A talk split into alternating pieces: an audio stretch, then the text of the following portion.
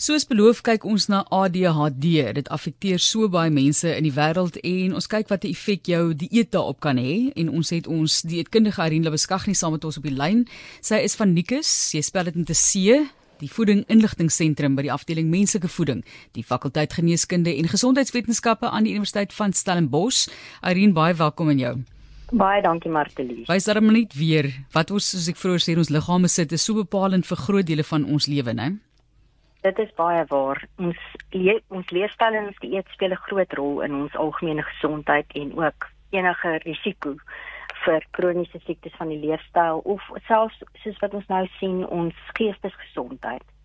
Kom ons gesels net eerstens, jy gaan vir ons nie net help met die dieet nie, maar eerstens net vir ons sê wat ADHD is en natuurlik wat dit veroorsaak asseblief. OK, ons kan begin met wat dit is. Dit is basies 'n geneigtheid wat basies kinders ondervind. Hulle moet meer as 6 simptome hê van ehm um, onvermoë om te kan konsentreer, hiperaktiwiteit of impulsiewe gedrag, subtipes daarvan, ehm um, aggressie. Ehm um, daar's verskeie van hierdie hierdie simptome wat gedragspatrone is en wat dan wat wanneer hulle dan moet voldoen aan minstens ehm um, ses simptome vir 6 maande voor ADHD ehm um, gediagnoseer word. So dis 'n komplekse diagnose en dit moet voorkieslik deur 'n pediater of iemand wat spesialiseer in in ADHD gedoen word. Dis wat dit presies veroorsaak is daar's nog steeds nie 'n enkele ehm um, faktor uh, wat ons weet presies wat die oorsaak daarvan is nie. Dit word op hierdie stadium eh, word dit gesê dat dit uit verskeie biologiese omgewingsfaktore en ook genetiese faktore ehm um, basies word gesien as die oorsake en dan die samewerking daarvoor gevolg dan jou risiko. Wat ons ook weet is ADHD hardloop in families. Met ander woorde as een persoon in 'n familie gediagnoseer is, is die kans 25 tot 35% dat nog 'n kind of 'n ander persoon in die familie daarmee gediagnoseer kan word. So dit is geneties definitief 'n oordraagbare um, um, sindroom. Kom ons gesels oor moontlike behandeling daarvoor en daar's jy weet baie van hierdie dinge is maar omstrede want dit het enige vorm van behandeling het ook weer 'n ander effek, né? Ja, die behandeling die hoog um, hoofstroombehandeling bly steeds medikasie en daarmee saam gedragsterapie. So dit is definitief die hoofstroombehandeling en dit is baie belangrik. Wat ons wel weet is dat die verskeie medikasies om en by 75% um, sukses vol is en dat die gedragsterapie daarmee saam baie belangrik is. So medikasie alleen is nie is nie die antwoord nie. En dan daarmee saam kan ons nou ook 'n bietjie kyk na die eet wat al meer as 40 jaar word daar ehm um, jy weet daaroor gepraat dat die eet 'n baie belangrike rol in ADHD speel en dit is ook 'n baie kontroversiële onderwerp omdat mense so maklik na die eet gryp en ons wil op hierdie stadium sê onthou net dit is nie hoofstroombehandeling nie maar dit kan 'n ondersteuning wees tot die medikasie. En die dieet intervensies wat die meeste mense probeer is byvoorbeeld die vermyding van suiker, die vermyding van um, kunsmatige kleurmiddels en voedseladditiewe, um, allergie of eliminasie dieete mikronutriënt supplementasie en omega 3 of essensiële vetsuur supplementasie. Dit is maar die hoofgroepe waar waarop ons gou kommentaar vandag kan lewer. Ons gesels oor ADHD en met dit eetkundig om te hoor wat 'n mens kan doen om dit te verbeter vanuit die oogpunt van 'n dieet. So al die jare was daar sekere voorskrifte want jy praat van die dieetplan wat verander is. So wat is verander? Ek voor dit ek weet nie wat wat jy eers wil doen, moet ons sommer die hele dieetplan bespreek en dan sê wat die veranderinge was? Ja, daar's nie regtig noemenswaardige verandering nie, Martelies. Dit is net daar's net meer duidelikheid oor wat nie doeltreffend is nie. En om hierdie kinders se dieet nie te beperkend te maak nie, is baie belangrik omdat dit deel van die gedragsprobleem kan raak.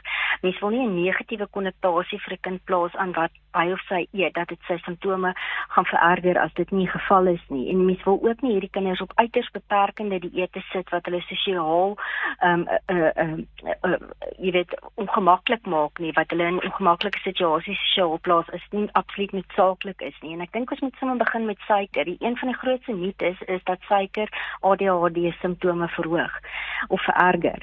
En wat ons nou wel weet is goeie navorsing wys dat suiker per se, met ander woorde die suiker in my tee, my koekie en my op 'n bietjie suiker op my pap in die oggend, fisies suiker en verfynde koolhidrate nie ADHD simptome vererger nie, maar wat gevind is in studies is dat suikerversoete koeldranke ehm um, wel ADHD simptome kan vererger. En dan moet 'n mens nou weer dit ook in perspektief sien, want suikerversoete koeldranke is dan ook baie groot bron van ehm um, kunsmatige kleurstowwe, geurstowwe en additiewe in ons dieet. So wat ek nou wel vir ouers kan sê is um, kyk na suiker um, in totaal om die dieet gesonder te maak. Met ander woorde moenie 'n hoë suiker dieet vir jou kind gee nie, maar jy hoef nie skoon tafelsuiker te beperk nie. Met ander woorde kinders kan gebak eet, koekies met suiker wat by die huis gebak word. Hulle kan suiker op hulle pap eet. Dit gaan nie hulle simptome vererger nie, maar vermy dan groot hoeveelhede versoete koeldranke wat hier kleurstowwe en geurstowwe bevat en vermy ook baie um, lekker goed, suig lekker, stokkie lekkers. Ehm um, jy weet aardappelskyfies met groot hoeveelhede van hierdie kleur en geurstowwe want daar is op hierdie stadium nie duidelik presies watter van hulle dit veroorsaak nie, maar ons definitief 'n uh, 'n uh, 'n uh, uh, uh, risiko aan die inname van groot hoeveelhede daarvan gekombineer met suiker dan is dit ek het basies nou gepraat en wat ons ook weet is dat onder ADHD die subgroep is daar baie hoër um insidensie van voedselallergieë.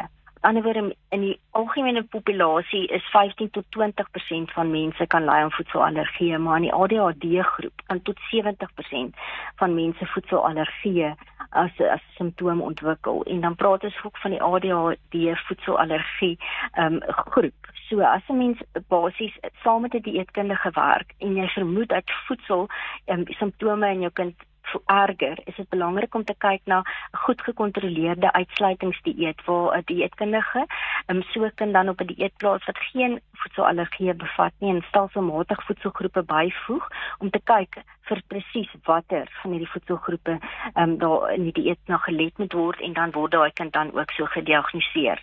Weereens belangrik, dit moet gekontroleerd gedoen word en saam met 'n dieetkundige omdat hierdie uitsluitingsdieete wat nie reg toegepas word nie kan lei tot voedseltekorte en veral mikronutriënte mineraaltekorte in die dieet.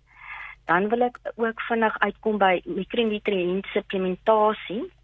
Baie baie skerp waarskuwings van al die uh, organisasies dat ons nie mega doserings met ander woorde groot hoeveelhede verskillende produkte van verskillende uh, mikronutriënte en mag um, en minerale vir kinders met ADHD moet gee nie. Met ander woorde daar is nie 'n indikasie dat hierdie kinders byvoorbeeld mega doserings van magnesium, sink of yster moet of Vitamiin D moet kry.